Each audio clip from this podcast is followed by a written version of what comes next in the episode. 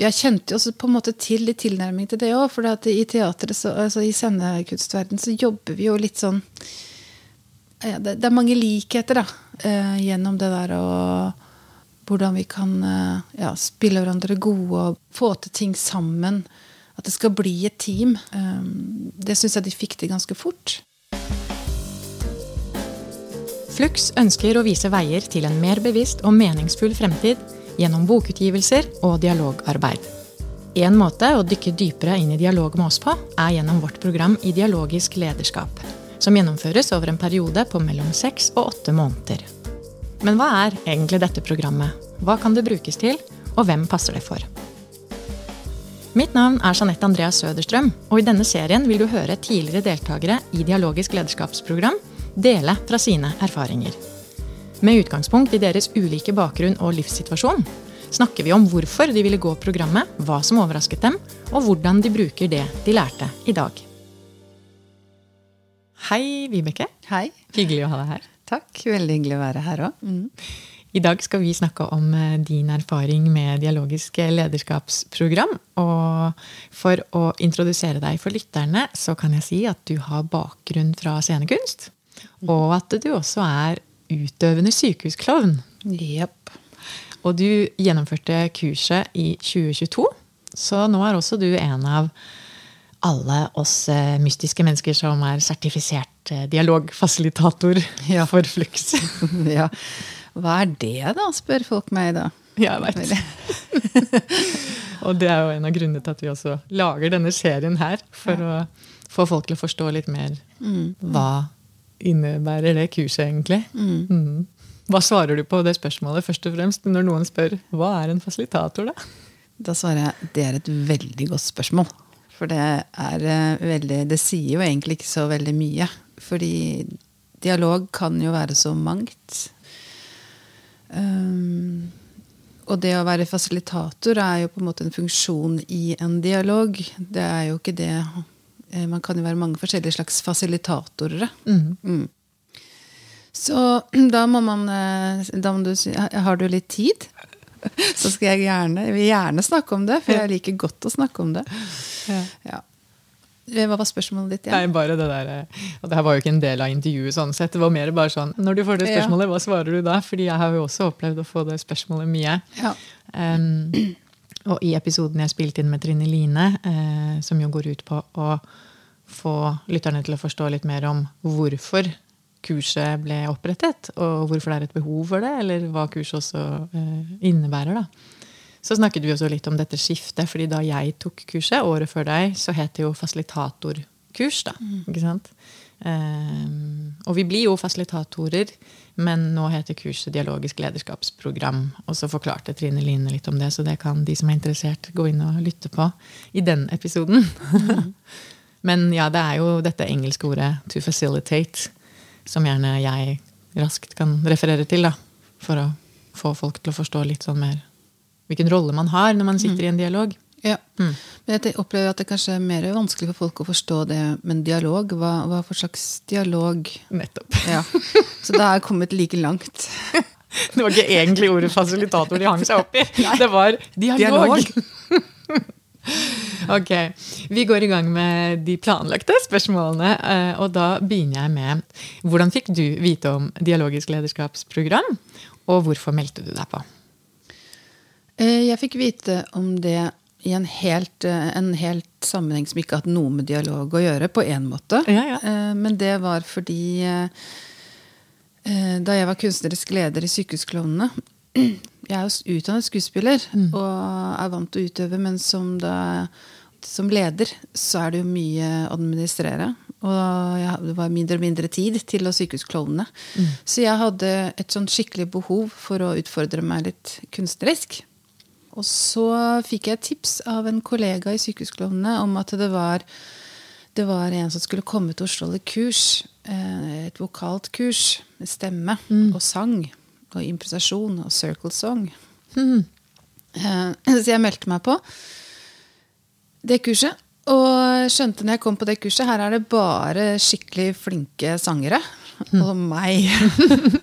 Ehm, men det kurset var det Trine Line som arrangerte.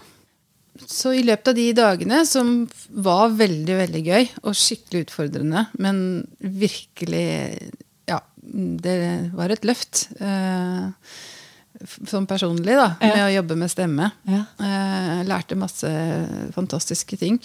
Og møtte mye flinke folk. Eh, blant annet Trine Line. -huh. mm. Eh, og når vi snakket sammen, så hørte at jeg var sykehusklovn sånn i en pause. Så, eh, så mot slutt så vi Men hun var egentlig litt interessert men hva er det egentlig på en måte som ligger bak det arbeidet til en sykehusklovn. Mm. Og det var nok Eh, litt av det fordi hun har tenkt kanskje at her er det noen krysningspunkter i forhold til verktøy og hvordan man tilnærmer seg i møter med mennesker. Eh, I sykehusklovnarbeidet og i eh, dialogarbeidet. Og hvordan en, en klovn eh, kan, eh, kan åpne opp for for dialog. Ja. Uh, snuble inn i det. Mm. Uh, stille spørsmål. Være åpen. Mm. Så vi avtalte at vi skulle møtes og snakke litt sammen. men det fikk vi aldri til. man blir dratt tilbake til ja. sine roller og arbeid og sånn. Ja, ja. Så, men så På et tidspunkt så leste jeg om det lederskapsprogrammet. Og det vil jeg eh, prøve å få til som en kompetanseutvikling i min jobb som kunstnerisk leder. Ja. For der var det også virkelig, så jeg også virkelig et behov for det å kunne lære seg noe verktøy for dialog. Um, når du passer på 50 klovner, så kan dialogen bli utfordrende. Og veldig moro, da. ja, og det er et veldig morsomt lite bilde der, for da ser man jo plutselig ikke for seg mennesker lenger. Bare ser for masse klovner. Men det er vel egentlig mest utfordrende fordi de er mennesker. det er helt riktig. Åh, så ja, da tenkte jeg at det kan være et godt verktøy for meg, da. Som, eh, som skal være Vil gjerne være en, en, god, en god, leder. Mm. Um, og ville ha en sånn type verktøy som jeg kunne uh, bruke. Ja. Så kom uh, korona, da. Så da uh, ble jo alt satt på vent. Eh, eller når jeg kontaktet første gang, så var det faktisk fullt, tror jeg. Mm. Og, så, og, så, kom korona. Og så gikk åremålet mitt ut som kunstnerisk leder. Og jeg lurte veldig på hva er det jeg nå skal med livet mitt om jeg, det er nå eh, jeg kan på en måte også ta noen vendinger i livet. Og så meldte jeg meg på det kurset. Da var det én plass igjen. Ja, kult. det sto og ventet på meg. Ja. Og det er jeg veldig glad for. Så gøy. Mm. Og kan du si noe om Hadde du noen forventninger til kurset før du begynte? Jeg vet ikke om jeg hadde så mange forventninger. Jeg var veldig i hvert fall åpen. Uh, Kanskje det jeg hadde mest forventninger, var til å kunne møte folk i en helt annen sammenheng, som ikke hørte til hva jeg var kjent med fra før. Ja. Og det syns jeg var mest spennende. Sånn ja. Det å møte nye mennesker. Og hvem er det som er interessert i å bli fasilitator i dialog? Ja. Eh, og det var jo veldig mange forskjellige mennesker. Ja. Vi kom jo fra så mange forskjellige plasser. Mm. Og det var jo veldig ja, virkelig en stor verdi i seg selv. Da. Mm, ja, det er noe av det beste, syns jeg. også med. Både med kurset, men også med dialog i praksis, ja. som jo også Flux har hver vår og høst. Det er det med alle disse fine menneskene som ikke jeg har visst om fra før, med så ulike bakgrunner og så mange forskjellige kule refleksjoner. Den, uh, og som gjerne er I utgangspunktet er man jo gjerne nysgjerrig da, og åpen fordi, for å i det hele tatt melde seg på eller å ønske å delta i noe sånt. Mm. Men min, min ambisjon ved det var jo heller ikke å, å, bli en fasilitator i dialog i seg selv. Nei. Det var mer det verktøyet dialog eh, er. Skjønner. Så, så, det var jeg litt sånn faktisk kom litt bak på meg. Ja. Eh, den fasilitatorbiten. Ja, skjønner. Men det er kjempeinteressant, det òg. Det er jo det som er viktig med å, å, intervjue dere forskjellige Eller noen av dere som har uh, gått på kurset. Fordi det er jo ikke sånn at man må tenke på den konkrete rollen å være fasilitator, liksom. Nei, altså, så den, den, lederskapsbiten det var ikke så langt opp i min bevissthet. da. Nei. Det var mer den gjennom å gå på det kurset så fikk jeg eh, mer kunnskap om hvordan man kunne faktisk utøve dialog. da. Så jeg har vel aldri hatt noe sånn, sånn eh, Etter mange år i scenekunstbransjen mm. Eh, så er det et eller annet med at jeg er jeg, hvis jeg skal si at jeg er flink til noe og det, kan, det, er lov å si det når man har blitt snart 50. Det er lov. Kom igjen. Også når du er 30. ja. Det er bare litt vanskelig når man er 30. Ja, Det er sant. Ja, det er litt lettere nå. Det er kanskje å få uh, ting til å skje. Ja. Og, og spille andre gode. Ja. Uh, få prosjekter opp og gå. Mm, ja, så det er uh, kanskje det jeg er best på. Mm. Det er gode lederegenskaper, det, da. Skal sies. Jo, det er det kanskje. Ja. Ønskede lederegenskaper, vil jeg påstå. Å spille andre gode er jo kanskje noe av det viktigste en leder skal gjøre. tenker ja. jeg. Ja, det, det er jeg jo for så vidt enig i det. Bare jeg har aldri tenkt på meg selv Nei. i den rollen. Sånn, ja. Um, altså, I, i teaterspråk så er det liksom der foran og bak scenen. ikke sant? Ja. Jeg er mer en person som har vært bak scenen. Okay. Mm. Uh, jeg har vært på foran også, som skuespiller. Men og som klovn og sykehusklovn. Mm. Men, men, jeg bare kjenner at det er der. Og det var nok det som også gjorde at jeg hadde lyst til å, å gå det kurset også som en kompetanseutvikling som leder i Sykehusklovnene. Ja. Fordi det er mange altså det, De går litt sånn i Hvor er grensesnittet her? Mm. Eh, mellom de to rollene, da. Mm. Og det er liksom det med dialog også, og det å lede dialog. Um, som er interessant. Veldig. og, og bare Jeg mener ikke å putte ord i munnen på deg, men det handler kanskje om um, Dialog er jo kommunikasjon i høyeste grad. Mm. Uh, men som også Trine Line og jeg snakket om i den nevnte episoden, så er det også noe med at kommunikasjon er jo egentlig i alt. Hvis du først begynner å bryte det ned. Mm. Uh, men selvfølgelig når man omgås Egentlig samme hva man jobber med, uh, gitt at man omgås andre mennesker på en eller annen måte, så er jo det å lære mer om kommunikasjon og være bevisst på en god del eh, mekanismer i kommunikasjon. I oss selv og i andre. Det kan jo ha veldig gode ringvirkninger. Ja, absolutt. absolutt. Og for meg i teatret så handler jo altså det absolutt det beste og mest spennende med teater, det er jo den å oppleve eh, de relasjonene mellom menneskene som er i ja, det. I ja. dramaet. Som er det mest spennende. Det er da, det, det er da teater er spennende for meg. Ja. Og det er veldig lett å også ta tilbake til dialogrommet. Når uh, det å få fram stemmene uh, At alle stemmene er like viktige, og det skal være et trygt rom til å kunne bruke stemmen sin. Og da skjer det jo noe med folk. Når noen tør ja. å gjøre det. Mm. I stedet for å tenke ja, jeg mener jo egentlig noe helt annet, men jeg, det, det, jeg sier ikke det, fordi da blir det, da blir det feil, eller noen føler seg truffet eller krenka. Eller ja. Og man er redd for å støte andre og ja. blir sett på på en viss måte. Og, ja. Det der er jo veldig iboende i oss mennesker. Det. Ja, det er jo det. Mm. Og da med det å få ha det verktøyet som dialog er, med de rammene og, og ferdighetene som du lærer deg, mm. eh, det var veldig da, da, blir det trygt, da. Mm. Og ja, og da blir det spennende. Fordi da, da, skjer det noe mellom mennesker. I mellomrommene. Ja, mellom oss. Um, men var det noe som overrasket deg eh, når det gjelder dialog, da? Fordi vi lærer jo disse spillereglene og ferdighetene eh, for eksempel, som jo mange opplever at Oi, det er nytt for meg. Det rammeverket der som man gjerne eh, terpe litt på da, mm. Eh, i kurset. Eh, var det noe av det som overrasket deg på noen måte? Nei, Jeg tror ikke det var noen overraskelse, fordi det var ganske, ganske kjent metode på én måte. Eh, fordi jeg kommer fra en teatertradisjon der improvisasjon er viktig. Og et viktig verktøy i det å skape. Å være her og nå og der for improvisasjon så har du jo også noen rammer å forholde deg til. Mm. Uh, og, det, og for eksempel også sykehusklovn. Alt er improvisasjon. Mm.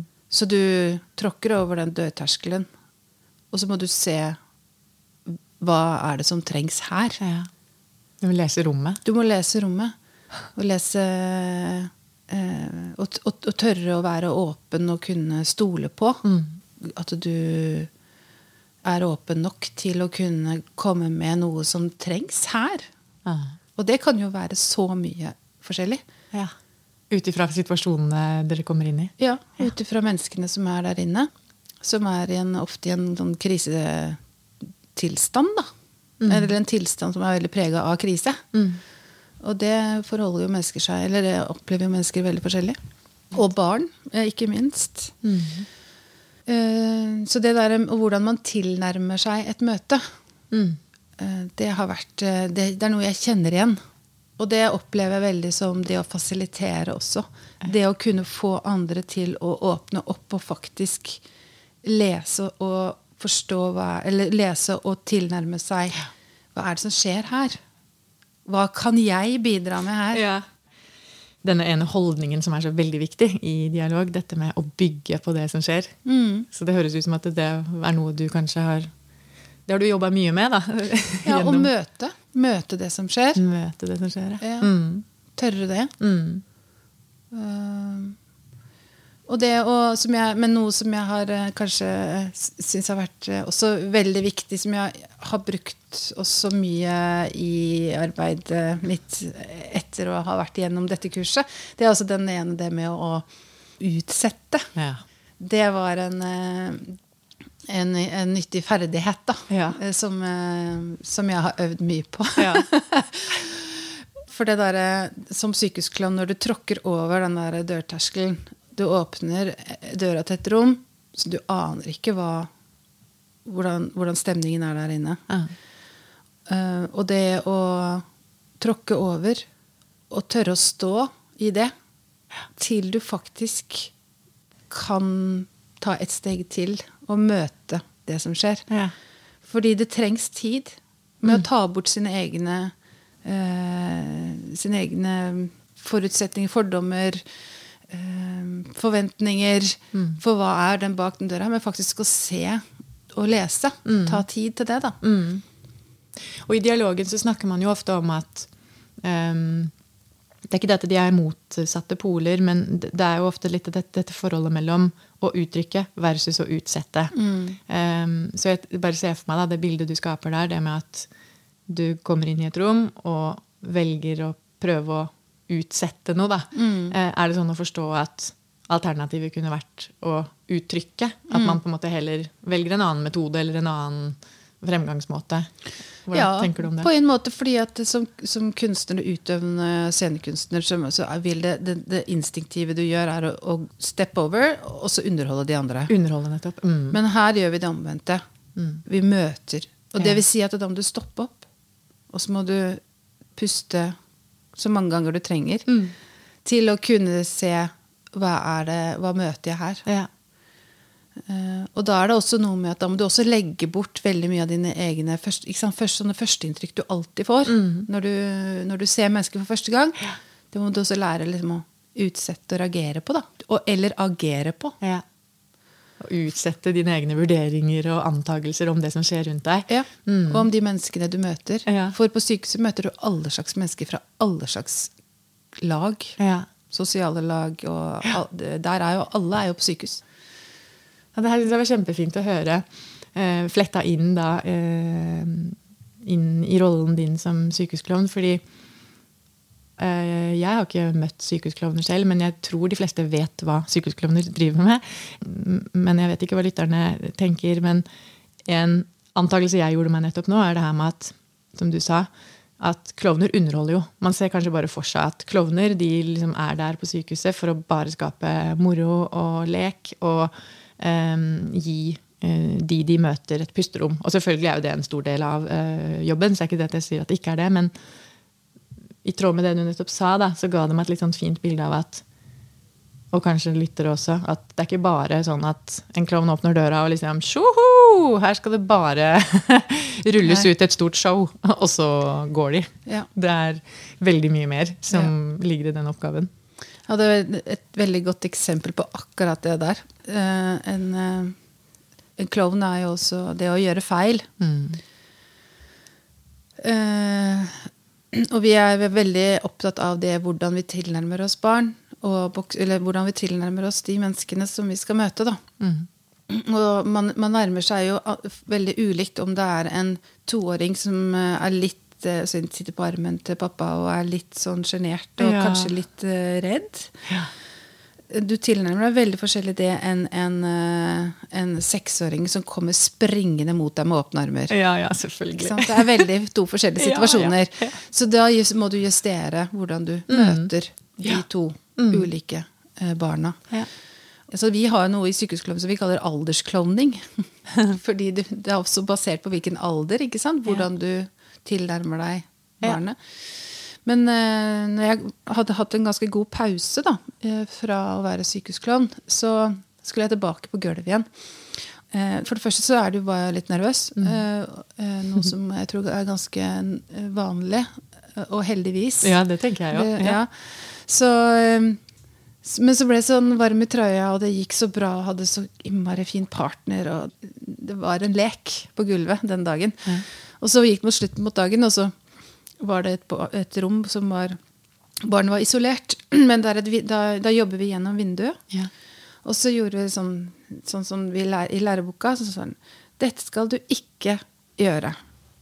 Og da gikk, gikk vi sånn, lista vi oss inn i slusa. For det er sluse der, ikke sant? Mm. som kan skifte til smittetøy og sånn. Mm. Men vi går jo ikke inn i rommet. Mm. Men det var vinduet, så lister vi oss inn, og så spretter vi opp, og så tikk, tikk, tikk, tikk, på vinduet til den, det barnet som var der inne. Og så ser barnet på oss, snur seg langsomt og ser på oss med skrekkslagne øyne og begynner å hylgrine. Mm. ikke sant? Og så jeg bare Å ja, ja, ja. Nå kom jeg på det der igjen, ja. Det var sånn vi ikke skulle gjøre. Ja. En, kjente du på det? Ja, kjente sant? på den feilen, da. Ja. Uh, som uh, Ja, der, uh, der kom den. Ja. Takk ja. som deler, for det er jo noe med det òg. Selvfølgelig gjør dere òg feil. i Jobben deres, som ja. alle andre. Ja. Absolutt. Ja. Hva gjorde dere da? Vi, vi, vi, sank sammen litt, da. Men moren var veldig uh, fin, så hun, hun, tok vare på barnet, som ikke vi klarte å gjøre. Huff a meg. Mm. Mm. Nei, men det er interessant. Det er et godt bilde på det vi snakker om. Um, var det noe som fremsto som et høydepunkt for deg under uh, Dialogisk lederskapsprogrammet? Mm. Det hadde kanskje ikke direkte med selve programmet å gjøre. Der var det mange høydepunkt.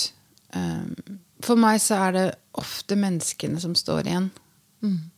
Og så et av mine høydepunkt, kanskje, sånn, hvis jeg kan se litt sånn i sammenheng, eller se litt stort på det, det var hvordan jeg på en måte møtte de ulike menneskene. Og så var det et par typer der som jeg bare tenkte dette kommer jeg, jeg kommer liksom aldri til å bli ordentlig kjent med dem. Du vet, Det er sånn noen som bare går rett inn, og så er, man, man bruker litt tid på andre mennesker, og så har man sine fordommer, og så, og så ja. Mm. Eh, så tar man litt avstand. Eller man nærmer seg i hvert fall ikke mm. sånn veldig tydelig. Men det, det opplevde jeg at det var eh, Opplevde at det snudde veldig i løpet av det kurset. Ja. Og det syns jeg var veldig fint å oppleve. Ja.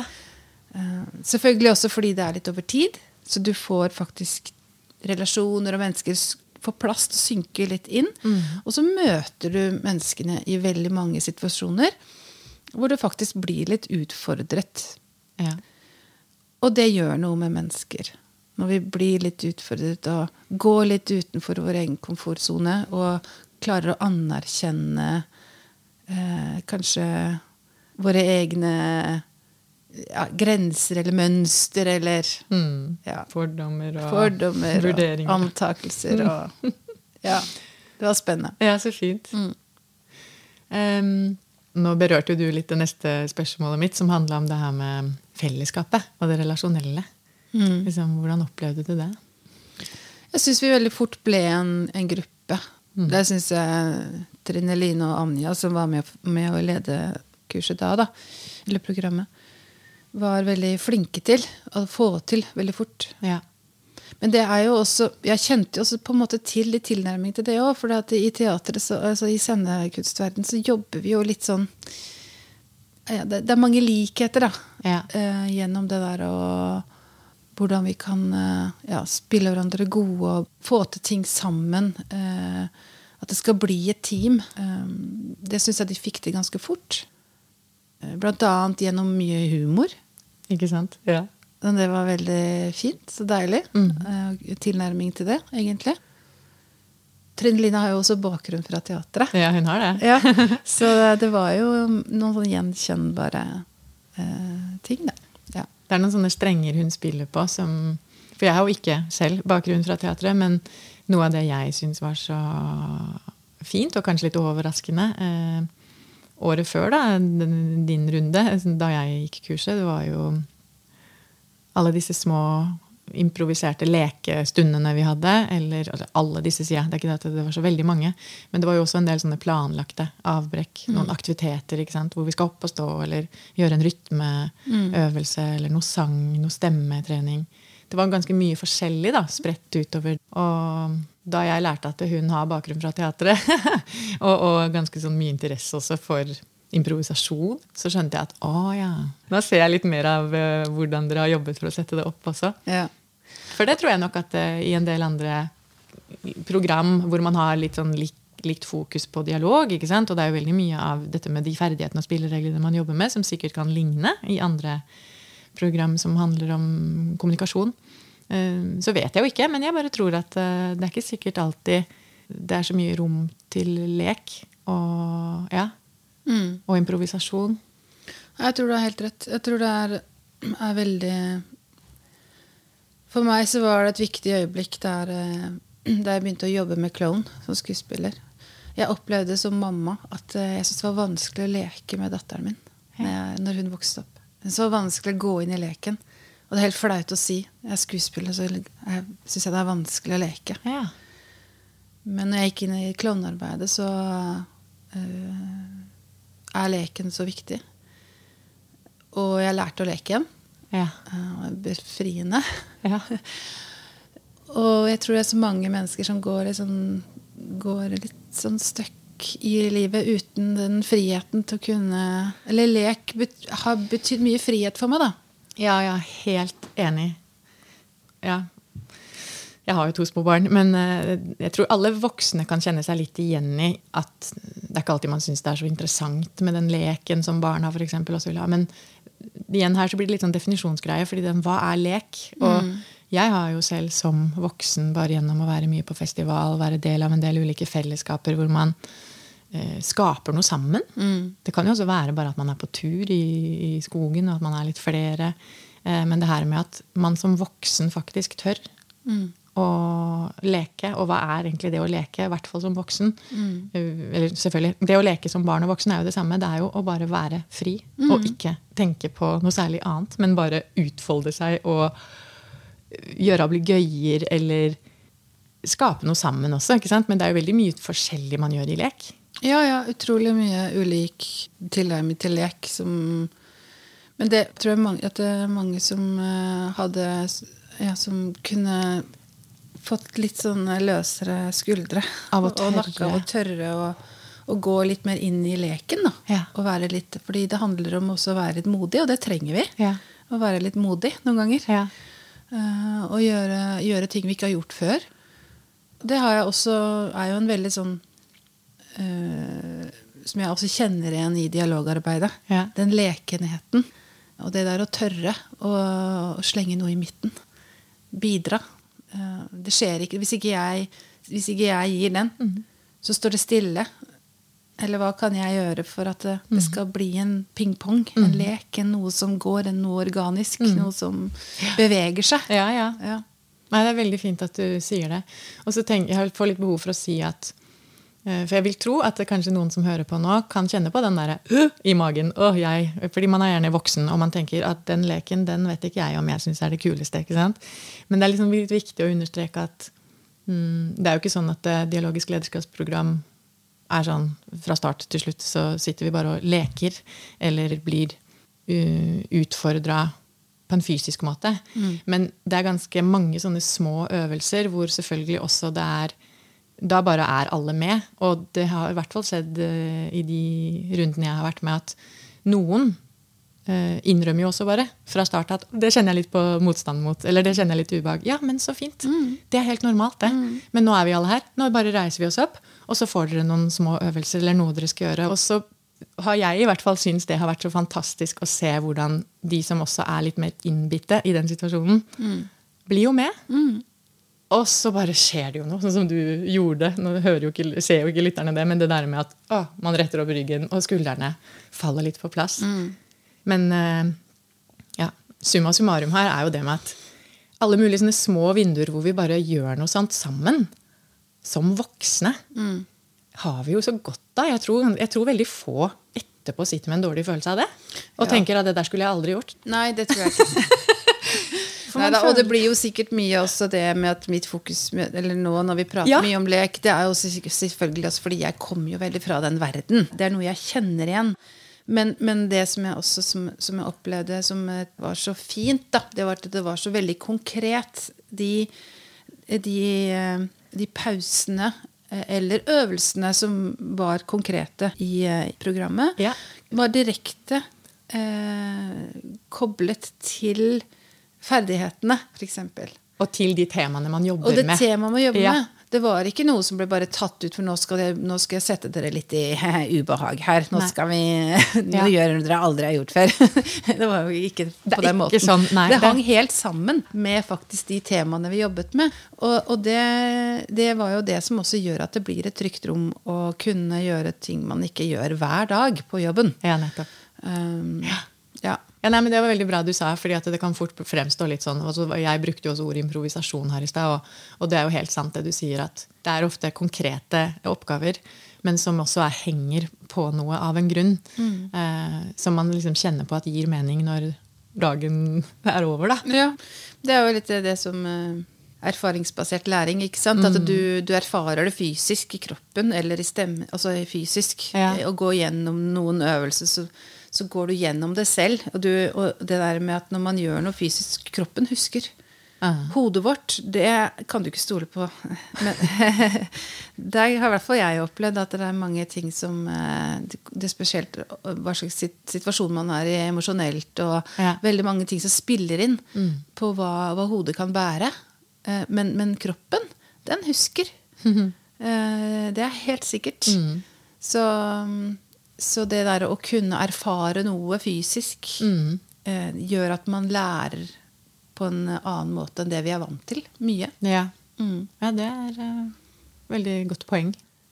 Så det du sier der, er at det er jo en veldig fin ting med dette programmet. At man sitter ikke bare i ring i timevis og, og, utøver dialog, men man, vi bruker også kroppene våre ja. I, ja, mm. på ulike måter. Da. Ja.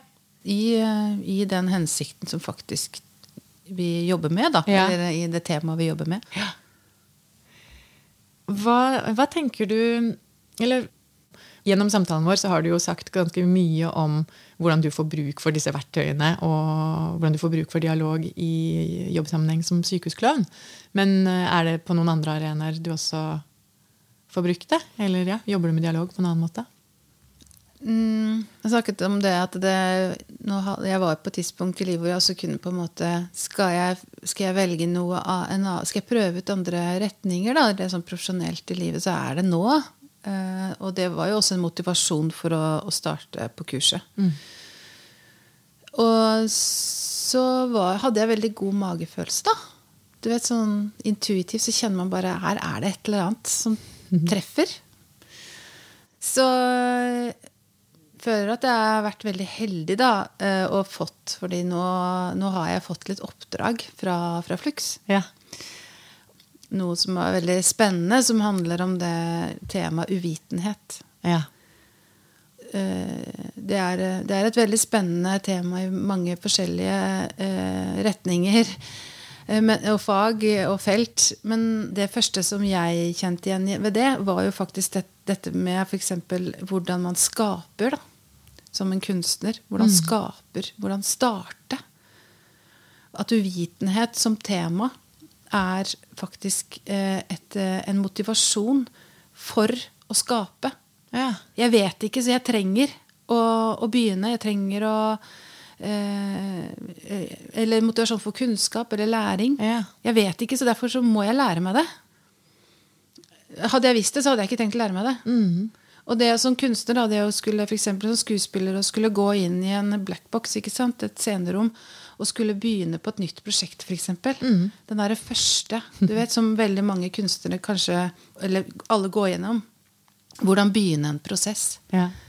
Eh, det der å bare ta inn det derre jeg vet den uvitenheten ja. som en motivasjon eller ja. som en inspirasjon, den var veldig ja, syns jeg var veldig spennende. Og det er en veldig spennende artikkel som ligger på Flux om uvitenhet. Det er bra du sier. Ja, den, så bare gå mm. inn og søk på uvitenhet på artiklene til Flux, så er det en veldig veldig spennende artikkel som ligger der. Men for meg som kommer fra kunstverden, så var det også et veldig Det trigga noe i meg. da. Uh Så nå er jeg så heldig å få lov til å være med og utvikle det. Og, og utvikle uvit, uvitenhetsdialog. ja. Og hvor er det det skal uh, pågå igjen, Vibeke? Det driver vi og jobber med over ja. landet. Men vi er i dialog med Nasjonalmuseet, som, som eh, ønsker seg en dialogserie mm. på det temaet. Ja. Eh, men jeg eh, tror at dette blir et viktig tema som også Flux kan ha i sin portefølje. Fordi, som et kurs. da, Eget kurs. Ja. Så nå får jeg lov til å være med å utvikle det. Kjempegøy. Ja, og så får jeg lov til å være med å utvikle samarbeidet nå som eh, blir med Nobel fredsprissenter. Så ja, jeg føler at jeg har kommet inn i et utrolig spennende felt. Ja med veldig mye bra folk. Flinke folk. Ikke sant? Ja. Inspirerende menneskemøter all the way. Ja, ja. Veldig gøy. Eh, føler du at eh, det å delta på dialogisk lederskapsprogram har påvirka deg som menneske? Som privat? Ja. Hvordan da? Jeg tror alt gjør det. ja, alt vi gjør, påvirker oss. Uh, ja, det, det, har det det, det, første jeg la merke til ved meg selv, da, det var at eh, jeg fikk noen sånne aha-opplevelser. Det som meg som person, og hvordan jeg forholder meg til andre mennesker, og hvordan jeg prater med andre, og mm. hvordan jeg f.eks. kan eh, Ja, bare det å ha en, en, god prat med en god venn. Mm. Eh, det der med å lytte. Ja. Enig. Ja. Og ikke være så opptatt hele tiden av å virkelig trene på det der å, å, lytte og høre på. Ikke bare sitte og, og tenke på ens egen historie og assosiere til egne ting. Mm. For det gjør vi jo ofte. Det er akkurat som i en begravelse. Så gråter du. ikke sant? Det kan være en fjern slektning som kanskje det var jo godt fikk dø, men, men allikevel så sitter man på en måte Eller du sitter og gråter litt sånn på egne vegne, har jeg opplevd mye. I begravelse, f.eks. Mm, interessant. At, ja, litt sånn at du, fordi du, du, du gjenkjenner dine egne følelser. ikke sant? Ja, Eller du gjenkjenner deg selv. Ja. Du identifiserer deg med situasjonen. Så, så, det er noe som jeg har veldig øvd på rett og slett rent sånt i hverdagen. da. Ja. Å kunne på en måte vente til det er plass og rom til å si noe. Eller møte noe. Eller stille et spørsmål. Og ikke være så kjapt å stille det spørsmålet. Ofte gjør vi det. Ja, ja men hva gjorde du da? Eller Altså, man er så kjapp til å fordi, man, fordi, hjernen går, og så vil du godt, du, og du er ivrig på at uh, vennen din skal forstå noe eller få støtte, eller, og så er du litt sånn kjapp. Men det der å lytte folk ut, uh, og tørre også at det er litt stille De pausene er utrolig viktig, for der skjer det så mye. Det å motta hva som blir sagt, istedenfor sånn å, å tenke helt inn på hva er det jeg skal si. Mm. Og det er jo også en veldig god øvelse gjennom dette kurset. da. Å lære seg det. Og ikke bare sitte hele tiden og tenke på uh, og ikke, uh, Nå må jeg komme med noe smart. Nå, mm. nå jeg, hva skal jeg si? Mm. Uh, for eksempel hver gang når vi starter ikke opp til en dialog, sant, så har vi en innsjekk. Mm. Og bare det å høre alle stemmer, og så kan du velge om du vil si noe mer eller ikke. Men, men, men i hvert fall at, du, at alle alle får brukt stemmen sin. Mm. da. De gjør noe med rommet også. at det, Nå er alle stemmer hørt. Ok, vi starter. Ja. Um, men det, uh, ofte i en sånn innsjekk, f.eks., så, så er det ofte at du, jeg tar meg selv i å bruke masse tid på å tenke på hva jeg selv skal svare på det innsjekkspørsmålet. Ja, ja. Istedenfor å faktisk lytte til hva de andre sier. Mm. Og bare, bare lære seg å legge litt merke til hvordan en selv eh, Den atferden eller vi selv, hvordan vi oppfører oss ja, ja. når vi er i relasjon med andre. Ja. Og hvordan vi, Jeg er så enig, og det der har jo også virkelig vært for meg en sånn revolusjon, vil jeg si. Mm. Og man blir ikke utlært i det. Nei. Du har bare åpna en dør, mm. og så står den vidåpen iblant. For min del i hvert fall. Og så står den på gløtt andre ganger. Og selvfølgelig går vi inn i disse gamle mønstrene mm. basert på hvordan vi har vært som kommunikasjonsmennesker fra før. Da, ikke sant? Mm. Men jeg kjenner meg veldig igjen i det du sier, og jeg tenker også at den der erfaringen med å lytte, fordi man begynner også å bli bedre på å lytte til eh, seg selv mm. mens man eh, sitter, sånn som du sier, f.eks. Eh, det at man jo blir ganske opptatt av hva skal jeg si da, når det er min tur. Eh, og så kanskje noen til og med glemmer å høre på hva de andre sier. Men en annen ting jeg legger merke til, er at når jeg hører på hva andre sier, så begynner jeg også å mene noe om det, eller tenke noe om det. Eller at jeg da vandrer mine tanker rundt det. Og det er også selvfølgelig menneskelig. Mm. Men poenget her er i hvert fall det med at det er helt fantastisk å bli obs på disse tingene. da. Mm. Eh, og det er jo mange lag hele tiden i alle mulige menneskemøter ja. og, og, jobbmøter og sånn. Mm. Eh, men eh, det er en sånn kjempeinteressant jeg vet ikke, Det gjør noe veldig interessant med en. Ja. Også som du kan bruke til alt i, i alle relasjoner, da. Ja. Man kan uh, kjenne igjen at å, her, jeg, her, får jeg brukt for det verktøyet. Mm. Her får jeg brukt for det, det jeg har med meg da, fra dette uh, kurset. Som er veldig faktisk konkrete verktøy. Mm. Og det også er fascinerende med, det, med dette kurset, da, syns mm. jeg. At du sitter igjen faktisk med helt, helt, konkrete verktøy.